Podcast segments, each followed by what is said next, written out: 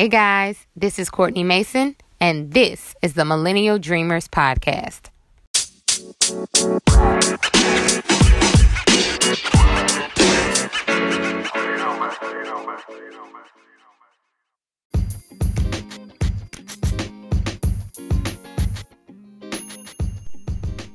There are conversations that we don't have often enough in the African American community. And one in particular includes how to protect the ideas that we create. It's no secret that some big name brands often make money off of our culture. But today's guest, Janeya Griffin, is doing her part to ensure that minorities have access to information that she's gained through her work in the technology industry. Janeya helps aspiring entrepreneurs and small businesses take control of what's known as intellectual property and make money from their creative genius. Not only that, you'll hear how she used a life changing experience as the fuel that she needed to create opportunities for those who are often counted out.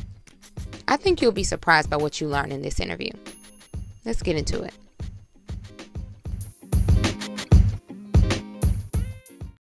Millennial Dreamers, today on the podcast, we have Janeya Griffin.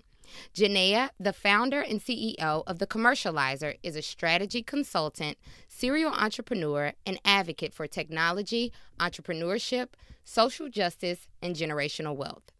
Not only that, in 2012, Janeya joined NASA's Armstrong Flight Research Center as the lead technology transfer specialist. In this contractor role, she is responsible for licensing and management of the intellectual property portfolio for NASA's Technology Transfer Office. Janeya coordinates with private companies, university STEM and business units, as well as individual entrepreneurs to bring STEM discoveries to the global marketplace. She is also the co founder of Concreates, a creative agency that partners with current and formerly incarcerated individuals to develop some of the most innovative ideas for marketing, branding, and public relations campaigns. I love having fellow nerds on the podcast, and really, we should just change that to say fellow members of the Black Girl Magic Collective. Janeya, welcome to the podcast. Thank you so much for having me. I'm so happy to be here. Finally, we get to sit down and have girl talk yes, about what yes. we do and have that girl magic. we talked really just integrated throughout our entire lives. Okay? absolutely, absolutely. We saw each other at Essence Fest, and I was like, Janeya, I have to have you on the podcast. We're going to figure this out. Now, this was six months ago, and we're just now Yeah. getting to it. But that just lets you know, first and foremost, how busy she is, but that it has to happen regardless because this is just, um, you know, a match made in heaven. Because um, I like to have people who are on from various industries to really just give insight into how they got where they are. So, with that being said, for our listeners who may be unfamiliar with the work that you do, give them a glimpse into your background. Oh, my background. Yeah. So it's actually really weird because so I got my I got two bachelor's degrees, one from one from they're both from Grambling State University, the Grambling State University. Thank. Yes. Ah, Gram Fam in the building. Um, one in criminal justice and the other in forensic chemistry. So people ask me all the time, like, well, how did you end up at NASA? Like, Right. that doesn't even really equate. Um, so after I graduated, I ended up um, applying for this fellowship that took STEM students and then taught them the business side of things. So I could speak the scientist language, but then take that and translate it into business terms into a value proposition that business people would understand. Um, and so once I figured out like that I could do that, then I was like, oh my gosh, I'm going to do it. And that was called tech transfer. So that's where I was initially introduced into federal laboratories, technology transfer, technology commercialization. Um, and really, it's all about problem solving, taking solutions and actually finding problems that these solutions can solve. Um, and so I'm a big proponent of connecting the dots. Like that's really what my passion is, is establishing connections. Mhm. So now I'm able to to do that in an industry where I can learn new things every single day because my background, the way that the path that I was going was for me to become a crime scene investigation person. And I was just like, you know, I did this as an intern. It's really great. I love it, but I want to do more. And I'm not exactly too sure what that looks like, but I know I want to be able to make an impact. Um, and so finding tech transfer and commercialization and the federal labs, I think that was one of the biggest kind of like light bulbs for me because I could learn about new technologies every single day um, and then find out how to place them into alternative industries and what they were originally created for. So I guess I should back up a little bit and kind of tell you about like what tech transfer is because you're probably like, what the heck? Right, right, okay. so, so every every year the government spends 150 billion dollars with a B on research and development, and that comes from taxpayers like you and I. So we contribute to that pot. Um, and so out of that research and development come ideas or solutions to problems that the government is working on. Mm-hmm. Um, and those turn into inventions. And so I work with a patent attorney to take those inventions and then I get them, I help get them patented. And then I go out and I find commercial companies or entrepreneurs, startups, small businesses, whoever to um, license the rights from those patents to them so that they can create commercial products out of them. So things that we use every single day, like the phones that we're on right now, the, the cameras in those phones, mm-hmm. Siri in your iPhone, GPS, memory foam mattress.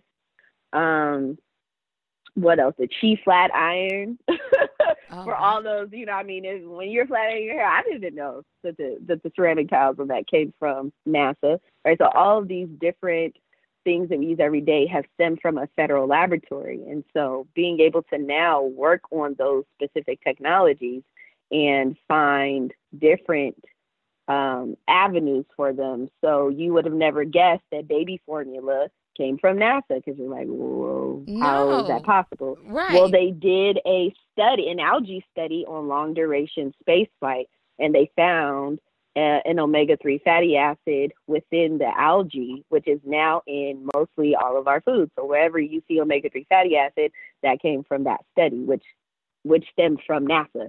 So now that's in all baby formula, which actually makes it more nutritional. so it's like little things like that that we use. And so when I was able to make that connection and see like, wow, I really can impact people, right? I can impact people's lives. I can um, impact the economy, like, and I'm connecting the dots and I'm problem solving at the same time. So right. yes, this is what I want to do. So I just ventured out to do that and um, found it, found found NASA or NASA found me either way. yeah, so now that's where I'm working.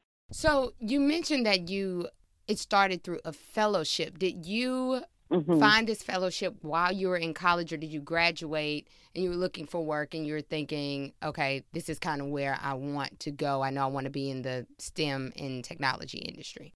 No, so um, it was right before I was about to graduate. I had just finished my uh, second internship at a, um, a sheriff's department, the crime scene investigation lab there, and my the dean of my school was like, Janeya, I found this fellowship for you because he was like, well, what are you going to do afterwards? I was like, I don't know, but I want to be able to utilize both of my degrees and I don't know how that's going to happen. Like I have no idea. Mm-hmm. And he mm-hmm. goes, "Well, you know, I have some uh, some connections with some high schools and you know, you could be a teacher." And I was like, "I don't want to be no teacher."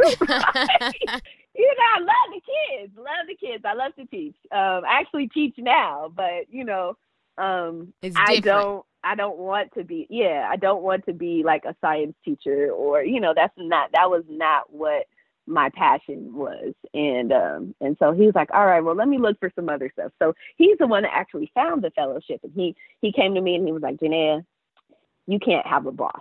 And I said, What? I'm like, Dr. Hubbard, what are you talking about? And I was like, I don't know if I should take this as like a compliment right. or you know i don't know how to take this. And he goes like i found this program. It's perfect. It's all about entrepreneurship um it's and and tech transfer. And i didn't know what that was but he was like you should really go. And i was just like okay. And i applied and there was a lot of people that applied. And i think um, they provided us like a $50000 fellowship. They paid for our housing. They gave us a rental car for a whole year. They bought us a computer they gave us a stipend um, and they flew us like all around to these different conferences like it was it was the best program ever Yeah. and I wish that it still existed, but it was funded through earmarks. So when they, you know, started cutting the budgets back then, like that was the first thing to go. Um, but it was because of that program that I am where I am right now. I think that's dope because I actually, while at Grambling, I had a professor um, who also did something similar. I was in political science, and she was like, um, you know, I think there's this opportunity for some of our students to apply for an internship at Prudential, which is in the financial services Mhm. industry. So I'm in political science. I have nothing to do, no knowledge of the financial services industry to a degree that I would do an internship, but she was just really adamant about it, and I was like, okay, let me do. It. I applied and I got the the um, internship, and it was in Newark, New Jersey, Yeah. and I met so many people. I forget it was through the Money Mhm. Management Institute, and I met so many people that I still have connections with to this day, and was exposed Mhm. to different things. So I think it's great when professors of universities, and we'll get into the HBCU experience a little later in the interview, but I that is so dope that they might tell you something that's completely unrelated. You were doing forensic science. And yeah, it's just like your professor knows you, right? Because they're like, Yep. yeah, you don't you don't need a boss at this point. I know. yeah. I'm familiar. Wait a minute. What are you talking about?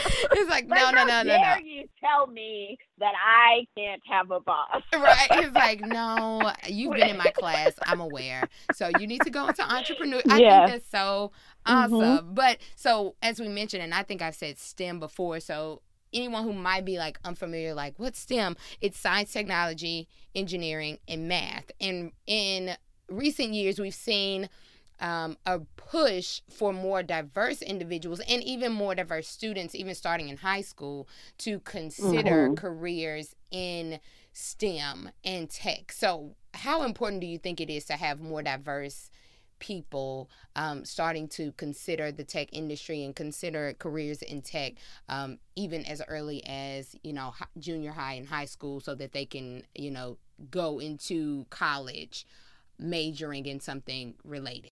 Um, it's vital. Like, and I wouldn't even say like the end goal would be to get into college, right? Because there's so many different avenues and and and most times you're looking at, you know, all of these different moguls who have like they said, Oh, I'm a high school dropout. So they're different strokes for different folks, right? At the end of the day. But with all of this, you know, knowledge that is available now where you can just learn coding, you can learn, you know, I think it's really imperative, regardless if you're going to be an entrepreneur or an employee, um, because not everybody is built for entrepreneurship. Not everybody is going to be an entrepreneur, but you can have that like entrepreneur, um, that entrepreneurial mindset, right? Problem solving, um, you know, obviously trying to figure out like where certain things fit at and like how do you advance that from a from a technological standpoint. Um, but I think there are a lot of different um, I want to say different industries now where technology is a part of all of them. it doesn't matter. So Mhm. it's not like, oh, this is just the tech industry. Like, yes, we have one very specific component, but that industry has actually cross pollinated into every other industry and every aspect of our entire lives. And so if you are not familiar with technology in this day and age, I think you're going to get left behind. Like, and so, and and I, I that's what I tell businesses all the time. Like, if you are not, if you don't have any type of tech in in your business, like you're gonna get left behind because that's where everybody is moving to. Right. Like, we use tech every single day. I don't care who you are. You got a car that's technology mm-hmm. Um, or it's STEM, right? So I from because I'm at NASA, like we look at everything as tech. It doesn't matter if it's engineering, if it's math, like all these different things go into tech. Um, science, like all that stuff, we look at we we look at that as technology. So whatever type of patent that comes out of NASA, like oh, this is technology that we're trying to license. This is a part of technology transfer. It could be um, it could be a chemical, it could be a material, it could be, um, you know, like I said, the omega three fatty acid, right? That's the, from the algae study. It mm-hmm. could be anything, and it doesn't necessarily have to be something physical or tangible that you can that you can hold. And we we refer to that as that's technology. So that's a part of tech transfer. Um, and so I'm saying this to say like technology is in every aspect of our lives, and so as our children are coming up, they need to be able to understand what that looks like. They need to know like STEM is a part of their their life. Like they are STEM, right? Mm-hmm. Even as a as a human being, right? Right. I am STEM. Like biology, you get into, you know, breaking down like the the the body and things like that. Like that's science. Like that's a part of STEM. You know, basketball, sports and different things like that. You get into mathematics and like geometry and like all these different things, angles and all of that. That's STEM. So everything that we use, even the kids are playing, you know, video games, like that's programming.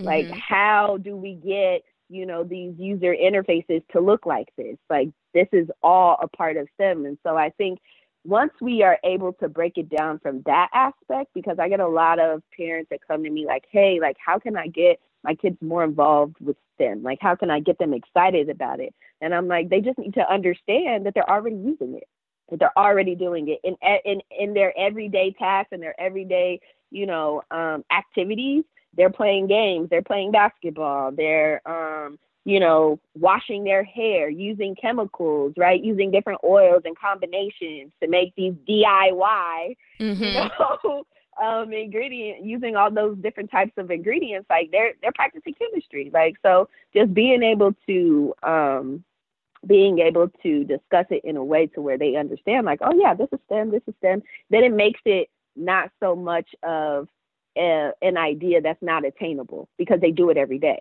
if they start looking at it from that aspect and they're like oh well this is easy like yeah i want to do this or i want to be a, a, a mathematician because i know that mathematicians are you know um, maybe they they are working with space but i know that um, if I want to go into statistics, I could do analytics for the NBA, right? Right. I can do all those stats. Stats. Like, what yes. do you mean? So different things that we do every day. You're looking at all these stats from from NBA players or from the NFL, and you could keep this like you're you're doing statistics. You're doing data analysis, like projections, and like, oh, this team is gonna win by this much. Like that's math.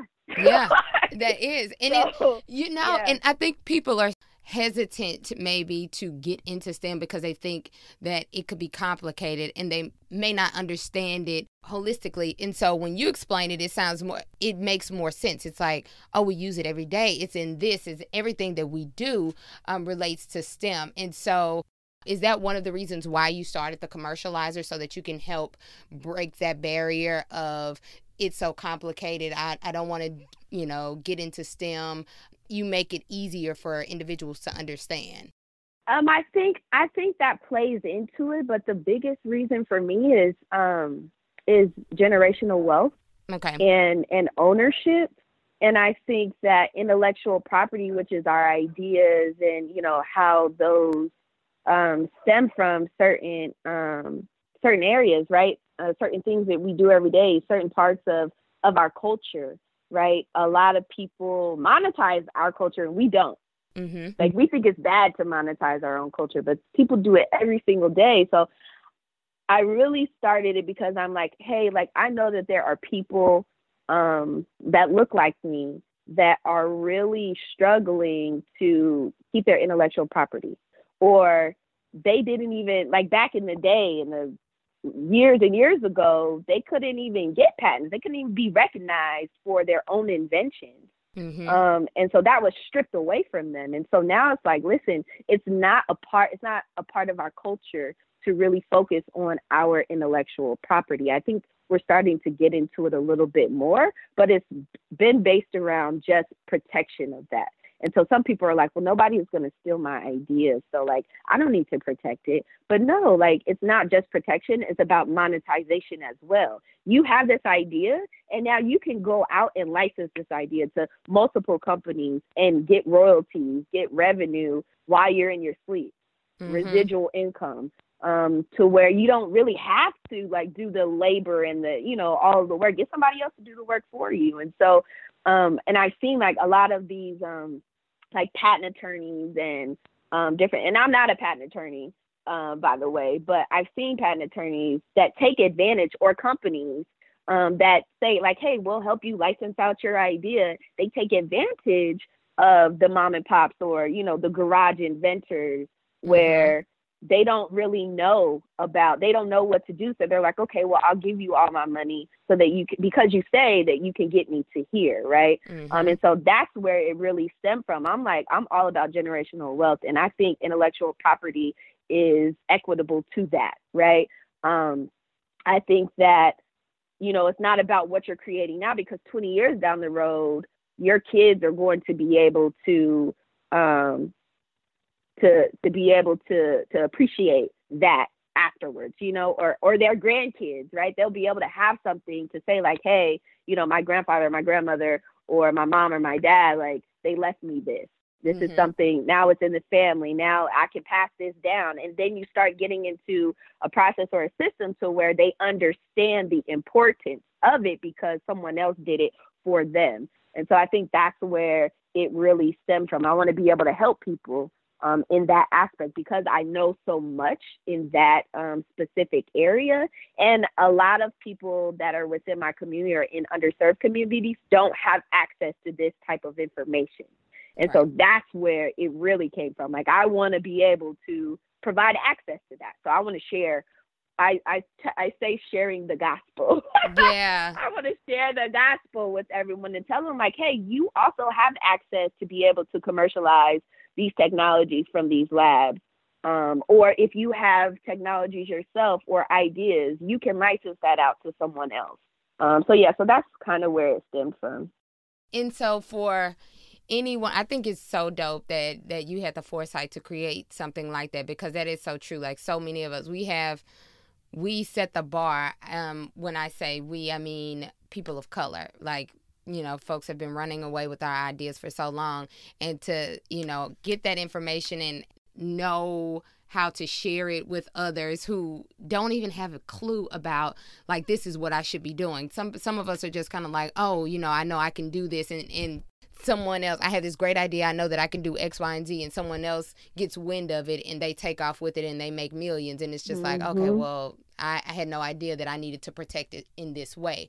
So, for mm-hmm. the small business owners or just creatives who are starting out and they have an idea, what's one like easy tip that you can give to them to maybe start the process of protecting their um, ideas, which is the intellectual property? What's something that they can be, do now to protect themselves? Um, one thing that I will say is um, the non disclosure agreements are like some people think they're like taboo or they they don't disclose you know they're like oh well i'm not going to tell i'm not going to share your idea or i'm not going to steal your idea. Like i just want to do business with them if they if you don't sign an nda we can't have a conversation. Mm-hmm. um and that goes into even if you don't have any patents right that goes into like your processes the way you run your business um uh the architecture like how the infrastructure of it like you know what process do you go through in in terms of like onboarding clients and you mm-hmm. know that's how they get like some some companies will shop you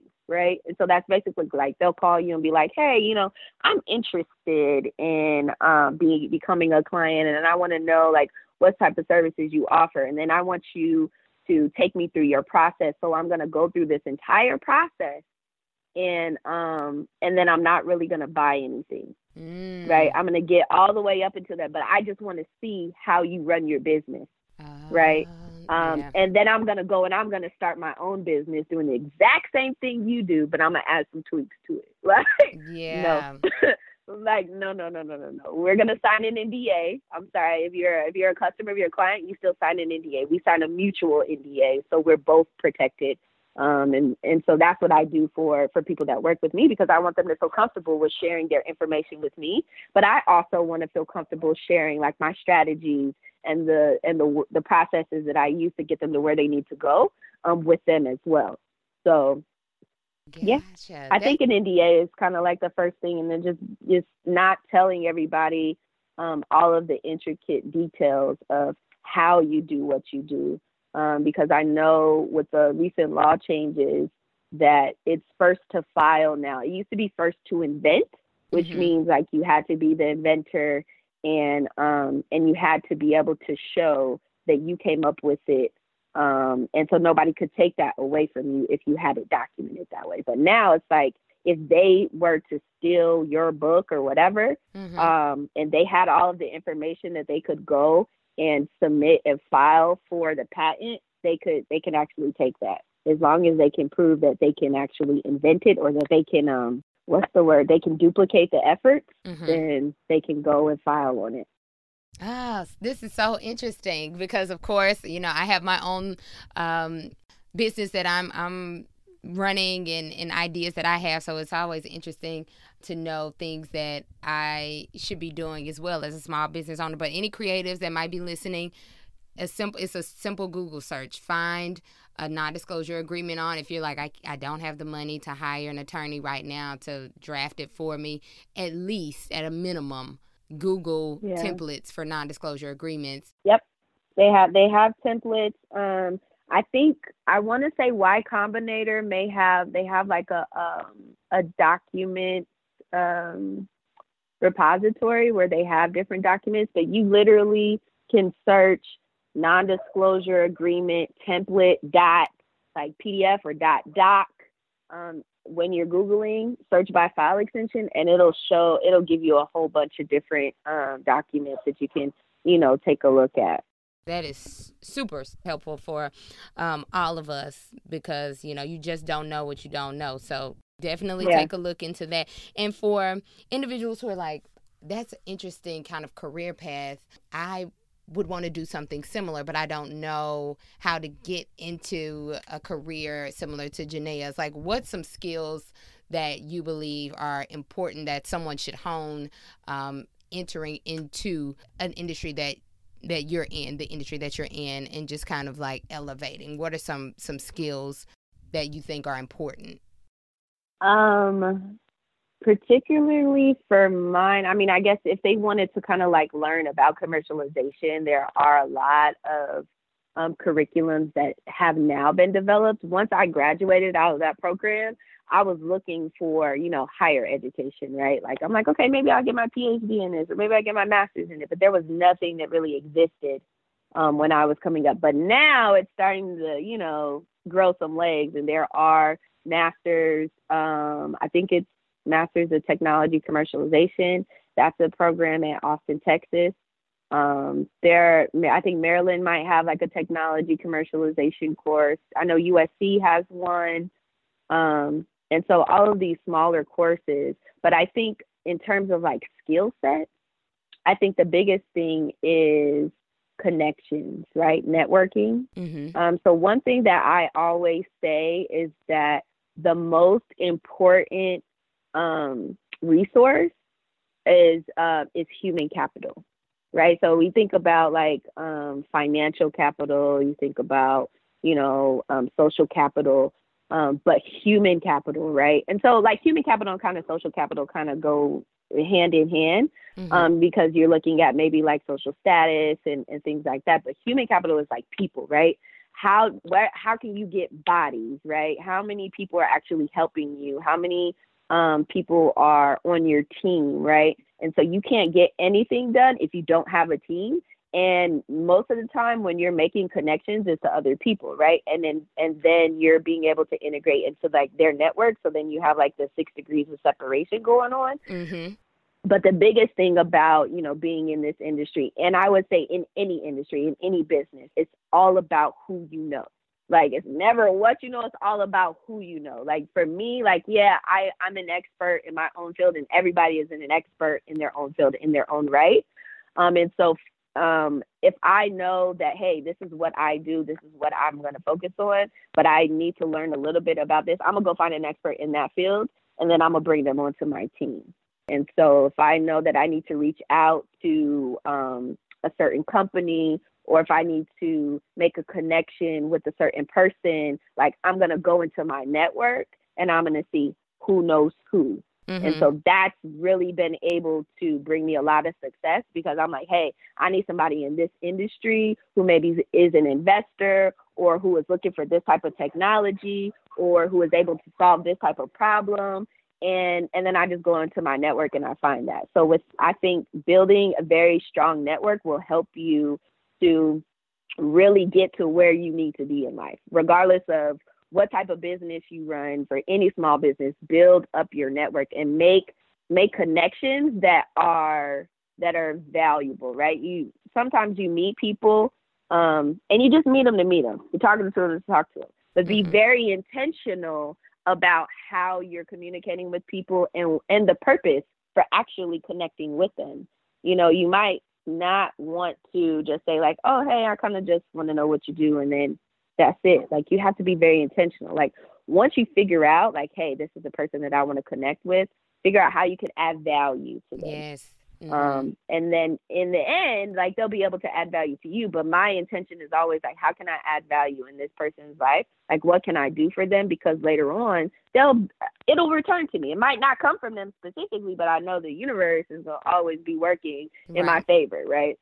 And so, c- connections and networking is my biggest thing. Yes, that, I'm glad you said that because sometimes it's daunting, and I think I've talked about this on previous episodes. It's like you have to put yourself out there to network, and specifically mm-hmm. for someone who might consider themselves an introvert, they're like, I don't want to, but it's like you're not gonna you're not gonna make those uh, necessary business connections um, and find the people who can help you elevate your ideas in your business and things that you're trying to do if you don't put yourself out there and also mm-hmm. the importance of having a team because I know even for myself I try to do so much on my own but I know in the back oh of my, my mind you cannot there's only so much first of all no. yeah you don't have it's like you have a specific skill set oh. so you have to like find people who mm-hmm. have the other skills that you do not have and then who can mm-hmm. who can take that work and multiply it like I can't have a you know full time job and a side job and this that and the third and just do everything for every situation and it flourish the way that I want to.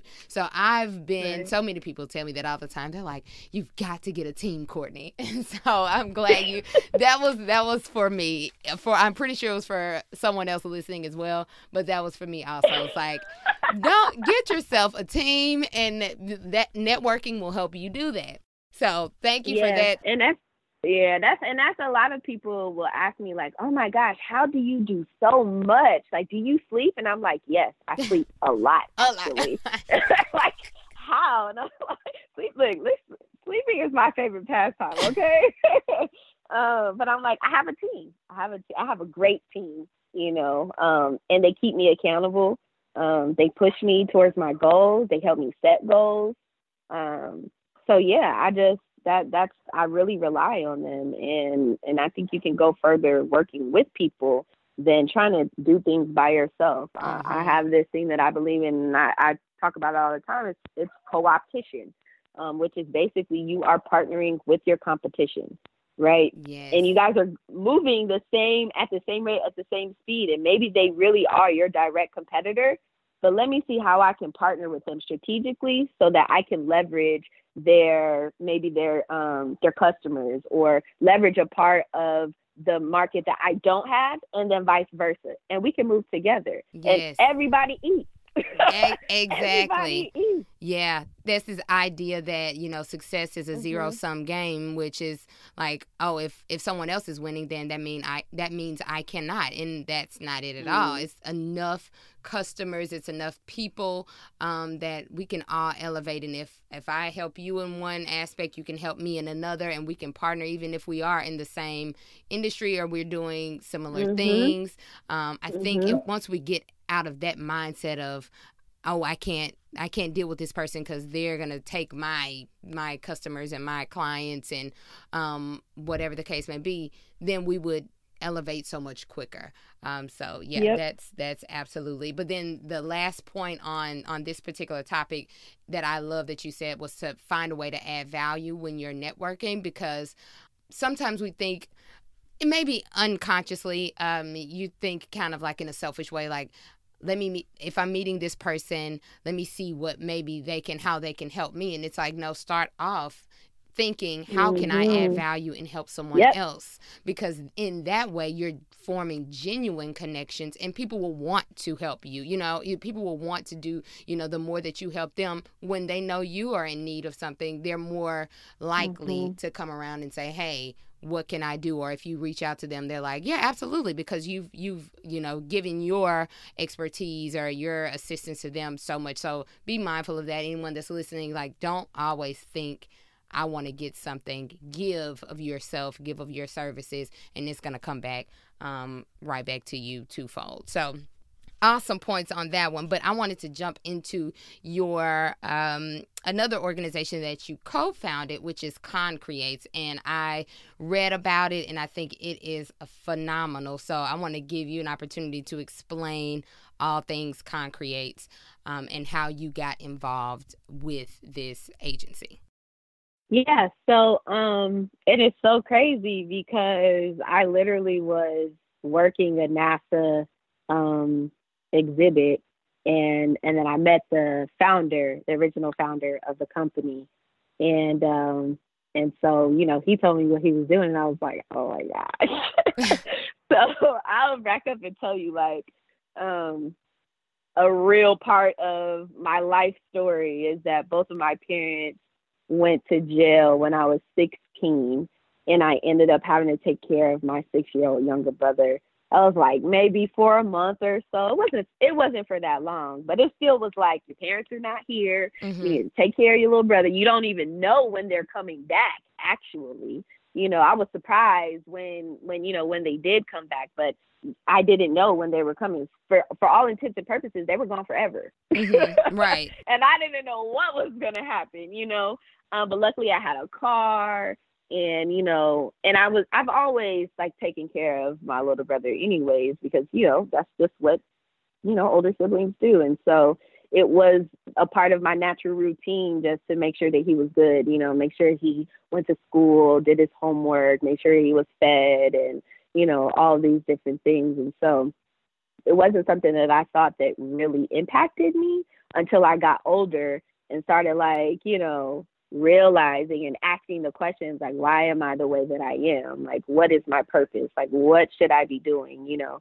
Um, and so really reflecting on my life and, and what happened and what was going on, um, it really allowed me to really hone in on what my purpose was and and then what I wanted to do to actually, you know, align myself with fulfilling that purpose. And so once I graduated, I ended, ended up going to college. My mom came back, you know, she found a job or whatever. Anyway, going to college. Um, my parents had divorced. And then um, once I graduated and came back, I still had to um, then again take care of my mom now and my younger brother again. And he was about 60, he was in high school.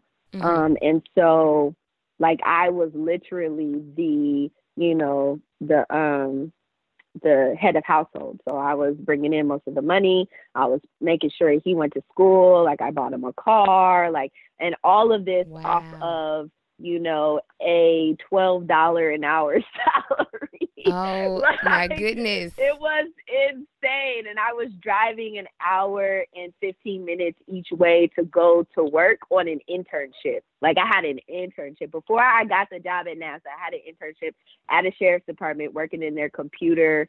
Um, I think it was like computer, I was a computer tech, which was originally what I wanted to do a long time ago once I graduated from high school.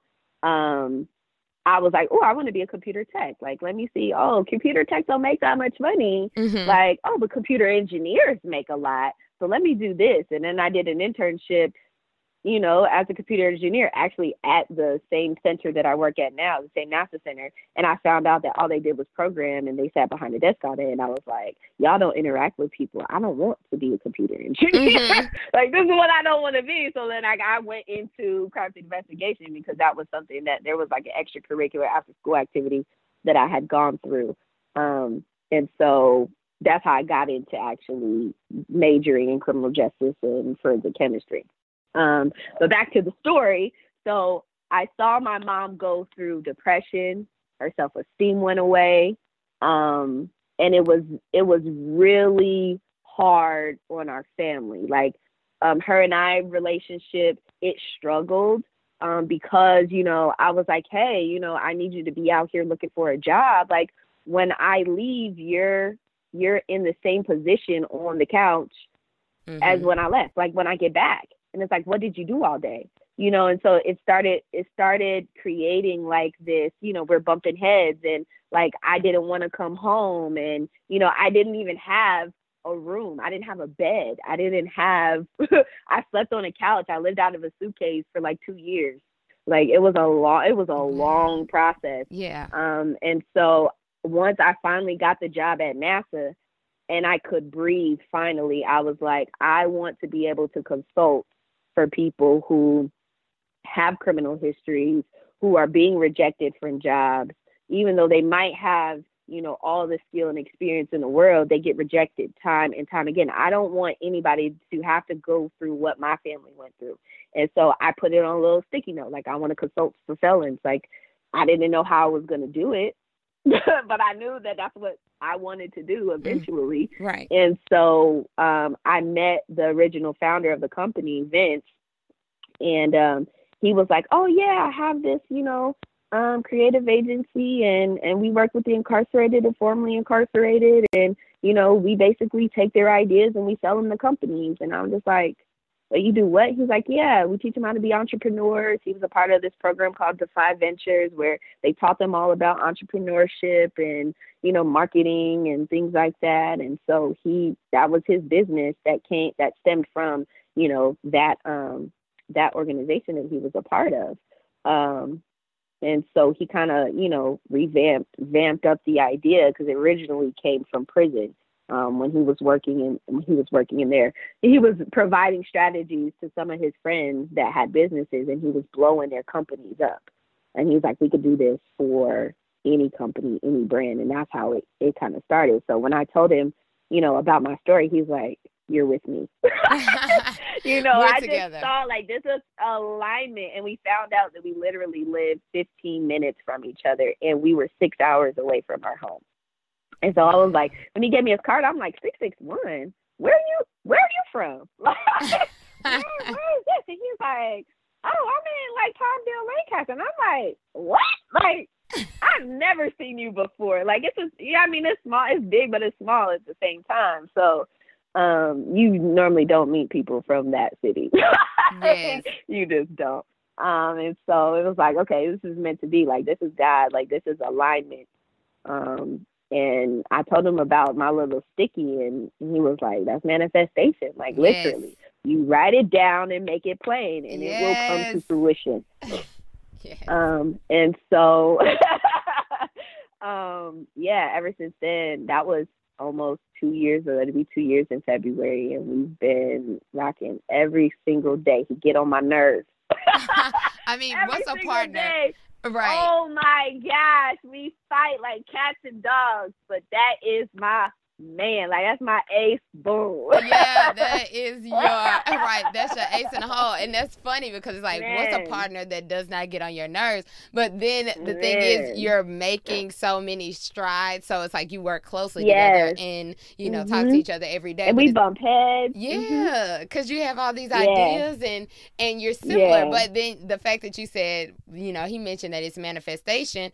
I wrote that down yeah. as as you were talking. I put that down as a note because because I'm thinking um, we see it all the time. It's like in the Bible, write the vision, make it plain. I've seen on social mm-hmm. media these. Uh, it's a, a, quote from Erykah Badu, and she put, uh, "Write your idea." down on real paper with a real pen and watch mm-hmm. it get real and it's like it's so true yeah. people don't understand how important that is when you write an idea, even if you have no clue how it would come to fruition, you write it down, put it somewhere that you can see it. It's in mm-hmm. your subconscious mind. And uh, sooner mm-hmm. or later, when the opportunity unfolds or a person comes in your pathway, it's just like, bam, like, hmm, God, I see you yeah, working. It, I, right, right. That was the thing. I was like, okay, God. That's exactly what I said. Okay. And I've learned to be obedient like I've learned to listen in the midst of chaos. I think everything in my life that has happened has taught me that.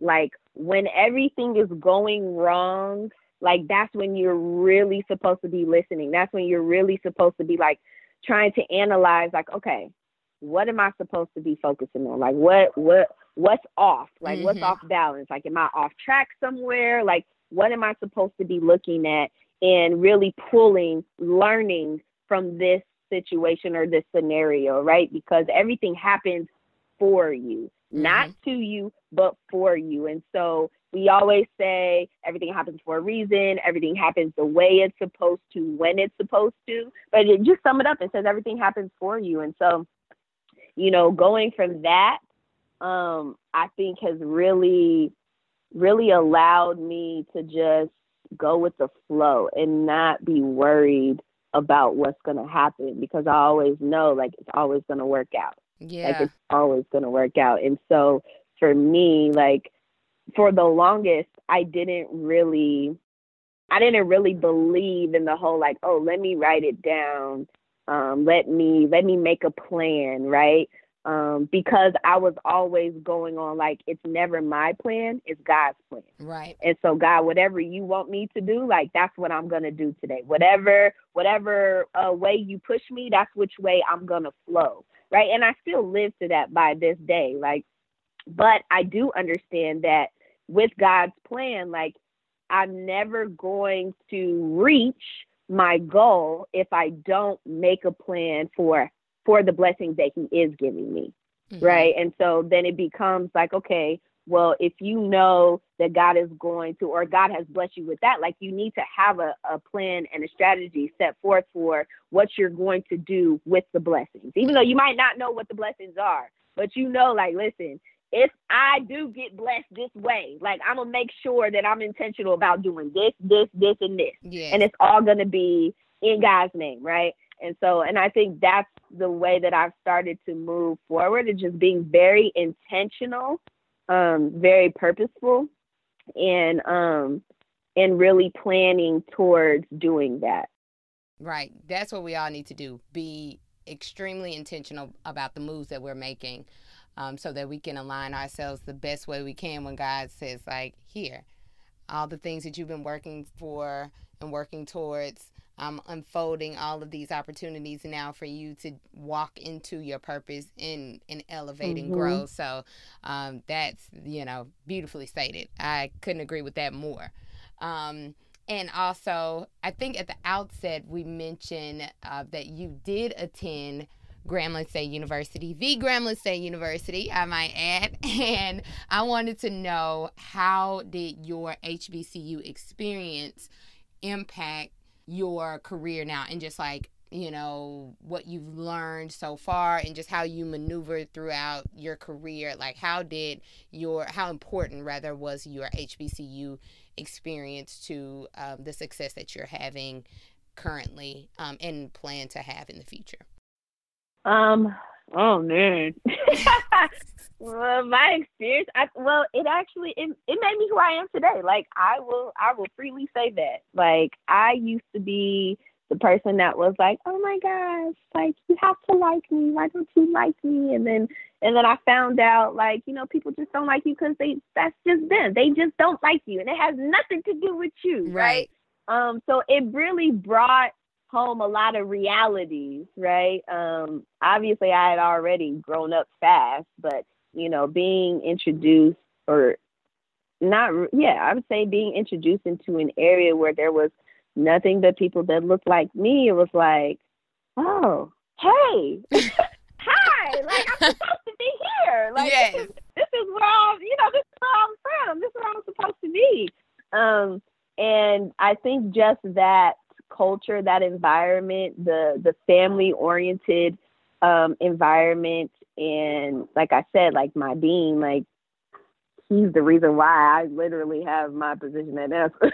mm-hmm. It's because I went to that program and I would have never applied for that program. I would have never thought about entrepreneurship um, from that from that mindset, from that standpoint, if he hadn't have pushed me to to apply for that uh, for that fellowship. And and I think it it goes to show like when you go to an HBCU, it's not just like um, a school, right? It it's a family, and everybody becomes family, and you have you have a, a billion mothers and fathers yes. because everybody is making sure that you're taken care of. Mm-hmm. Like I remember when I first got there, so um, my track coach, who was my cousin, um, went there, so that's how I got introduced to it. And so when I got there, she knew Coach P, and Coach P is like the man at yes, Coach right? P. Everybody knows Coach P, and so like when I got there, like Coach P was the one that was taking care of me. Baby, make sure you come by the house. I I cook some gumbo, you know, uh, crawfish etouffee. You know, I was like, what is crawfish etouffee? Etu what? so you know, I got I got my home cooked meals. You know, um my grandfather's one of my grandfather's best friends. Um, he lived in Farmerville.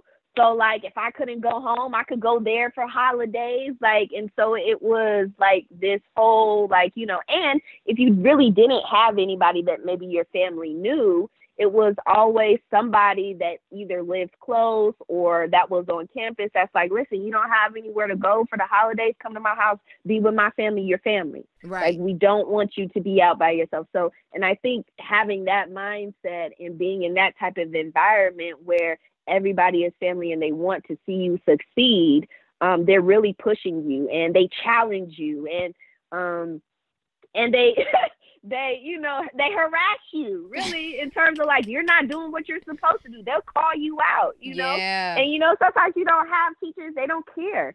That that's not they get their they get their paycheck and they go home. But you know, I know teachers at HBCUs are like you're a headache in their life and you know, but it's all love. All like love. and they're gonna be a headache in yours. And so I think that from them, you know, pushing you and give you that tough love and you know, really pushing you towards your potential, I think that's really what, you know, what got me to where I am. And obviously, I mean, I, you know, I pledged Delta Sigma Theta Sorority Incorporated. Sorry, Courtney. Um, I have love for the Deltas. GI and Alpha Theta, you know, I'm just saying. Yeah. Um, but, uh, but yeah, so, you know, me pledging really brought about um, different aspects um, of of who I was as a person, um, who I wanted to, you know, wanted to be or who I should be in terms of like how I interact with people and, you know, just unconditional love and, you know, different things like that. And then also being with women, like a bunch of women at mm-hmm. the same time. It's yes. like, you know, you learn a lot of different things and you butt heads and but you figure out how to get through it, right? Um, and so I think that really um, that really was you know a pivotal moment in my HBCU experience as well. And now I have another family, a really close, tight knit family that I can always call on. Um, you know that I can share my moments with that who know me, who see me at my worst, and and are now here with me to experience, you know, at my best and what my better will look like. Right. Um, and so I think that has been, you know, something that I would never, you know, change. Like, I would never trade that in. Like, I loved my HBCU experience. Um, you know, going from the days where you didn't have no cold water, she you didn't have no water Ooh, at all, right? Water got shut off um, you know, maybe the cafeteria, you couldn't go to the cafeteria, like, you know, the rain, like it just all the weather and everything. It just, you know, sometimes you just got to deal with those real life situations where you gotta survive.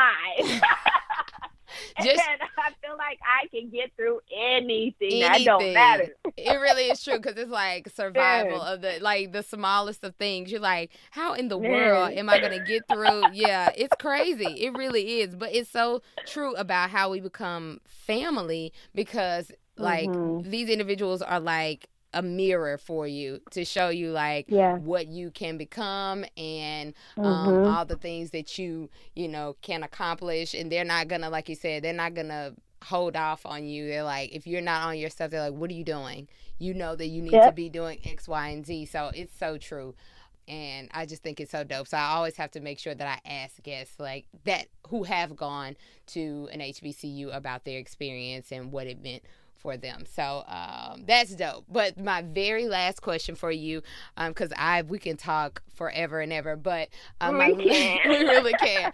but my last question is for any aspiring dream chaser, not just someone who might be interested in STEM and tech, but for anyone who's going after a dream. What's some advice that you can give them to stay motivated and to really just uh, push past any uh, fear that they may have and to go after it full force? Ooh, that's a good one. Ooh, what kind of advice could I give? Um, man, there's so much that I could say that I want to say, but I just want to like leave just one thing with them that I think would really help them. Jeez, I'd say make sure that you're passionate about something, whatever it is that you pick, right? Mm-hmm. As long as you are passionate about it and you find purpose in it, right? So finding out what your purpose is, finding out what your passion is, I think that's where a lot of people kind of get lost lost in the sauce right they don't they don't know which way to go because they don't really have any direction on on where they should be going but i think if you were to combine your passion with your purpose, that would give you some sort of um, kind of guideline that you could follow, right? But as long as you're passionate about something, whatever comes your way, like you're always going to get through it. You're always going to go over it.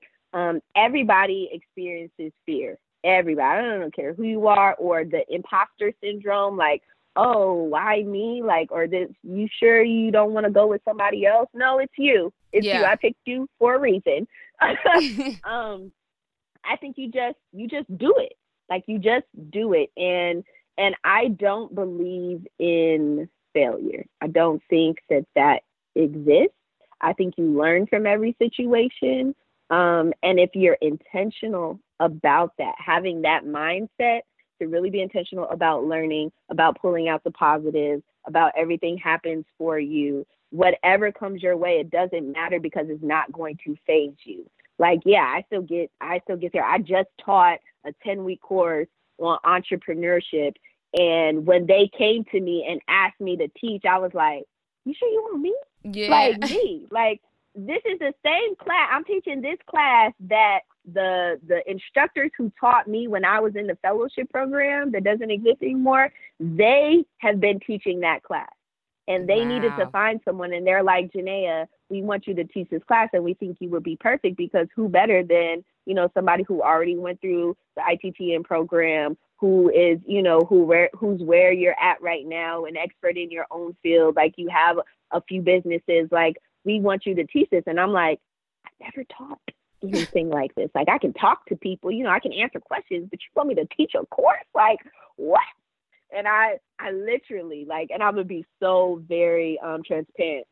Like when she told I met with her and then um and then she gave me the books and she was like okay just look it over like you know you're gonna have to go you know over a teaching um a teaching demonstration you're gonna have to like film yourself and send it to us and i got in the car i kid you not and i broke down and i cried uh, and i was just like shaking like i don't i like I don't know what I'm doing. It's like, overwhelming. I never taught nothing before. Yes. oh my gosh, so much. And I was just like, okay, like whatever like i'm gonna do it whatever it is like i'm gonna figure it out god you would not bring me here if if you didn't have a plan for me and i'm not gonna push back on it i don't know what i'm supposed to be doing or where i'm supposed to be going but i know i'm here mm-hmm. and and I've been, you know, content. Like, so don't be content. That's that's the the main thing. Don't be content where you are, and really push forward because obviously God is saying like it's time for you to get out of your comfort zone. Yes. And when you get out of your comfort zone, that's how you grow, and so that's how you progress. And you know, um, you want to beat that fear, you want to grow past that fear, you got to do it. You got to do it often. And so I was just like, well, like I was scared to death. My first time ever. Like I was just like, I don't know. I, can't I don't know what I'm gonna do. Like, oh my gosh, like I don't. Oh, and and I did it. And t- t- that was ten weeks ago. Like my last class was last night. See, and I'm here, See? and I'm still living. Okay? Right, you're still living, and it was great. And I'm still living. the students learned so much from you because first oh, I know they you did. Yeah, I know Mhm. you made it interesting and easy to understand, but it's just like I I can attest to that, and I'm with you on that. That just how overwhelming something can feel when you when it comes when it presents itself to you, and it's not something that you were expecting. You're like, wait, what? But just to be Yeah. in a place of like. All right, well, let's just put one foot in front of the other and see how this goes and not be afraid and run from it, but accept being uncomfortable and work through Mhm. it because at the end now you're an instructor now that you know Yep. you you know how to teach a course you can create a course and sell it and do whatever else you want to do or stand Yep. on it you know whatever because you have that experience and, and god is like listen i have so much more for you than you could ever Mhm. imagine i think that is so dope. So there there are so many gems in this conversation that i know um, anyone that's listening is like writing down or just being inspired because um, it really is inspirational to hear your story and just all the things that you've gone through um, with your family and just in school and excuse me how things have unfolded for you. So um, i know so many people will be inspired by it. And for anyone who wants to follow you on all things social and see all the different things that you're involved in and um, things that you're promoting where can our listeners keep in touch with you? Um, so my handle for all social media platforms is at Janeya Griffin, um, J A N E Y A Griffin, G R I F F I N. Um, and so I'm on Facebook, Janeya Griffin the Commercializer. I'm on Instagram, Twitter. Uh, I think that's probably about it. And then my website is just www.janeyagriffin.com. And I'm revamping it right now. So hoping to have a new release of what that looks like in 2019. No, I will have a new release. yes yes I gotta say that I will have a new release. Uh, y'all can hold me to that. yes So, um, yeah, um, that's that's basically it. Uh, Janeya Griffin, and then Concreate um, is C O N C R E, the letter eight T E S, um, and concreates.com. So nice if any type of small businesses are out there that are looking for help with branding or really just out of the box crazy ideas. Um, you know, we have a team of people who were former drug dealers and bank robbers who basically really are strategists and CEOs yeah who can help you come up with brilliant ideas. Yes, I love that. I cannot wait to see all the things that Concreates achieves and see the opportunities that you guys are going to have for individuals who some people may count out just because they may have made a mistake um, in their Mhm. life, but they are brilliant minds, and I just think it's so dope. Um, so, with that said, we are signing off. Janeya, thank you so much for being on the podcast. Um, and I'm just so excited to connect with you and um, just be able to share your story with our listeners. So thank you. Thank you for having me so much. I, I definitely appreciate that. Um, I appreciate this conversation. I didn't feel like this was a podcast. Like, oh, girl, you recorded? Oh, okay. Everybody else just listening. We just uh, talking. yeah, exactly. We just talking. You know, having girl talk. That's so funny. But no. I de- definitely appreciate you uh, for sharing my story and um, and really reaching out to me and, and asking me to uh, participate in this. Uh, I think what you're doing is great, and you know, keep keep striving, keep continuing to you know, emit this black girl magic and this black excellence every day and really share that with people that look like us because and younger the younger generation because they need that they need to see you know what is um, the opportunities that are available for them. Yes absolutely absolutely. Well with that said millennial dreamers we are signing off. Peace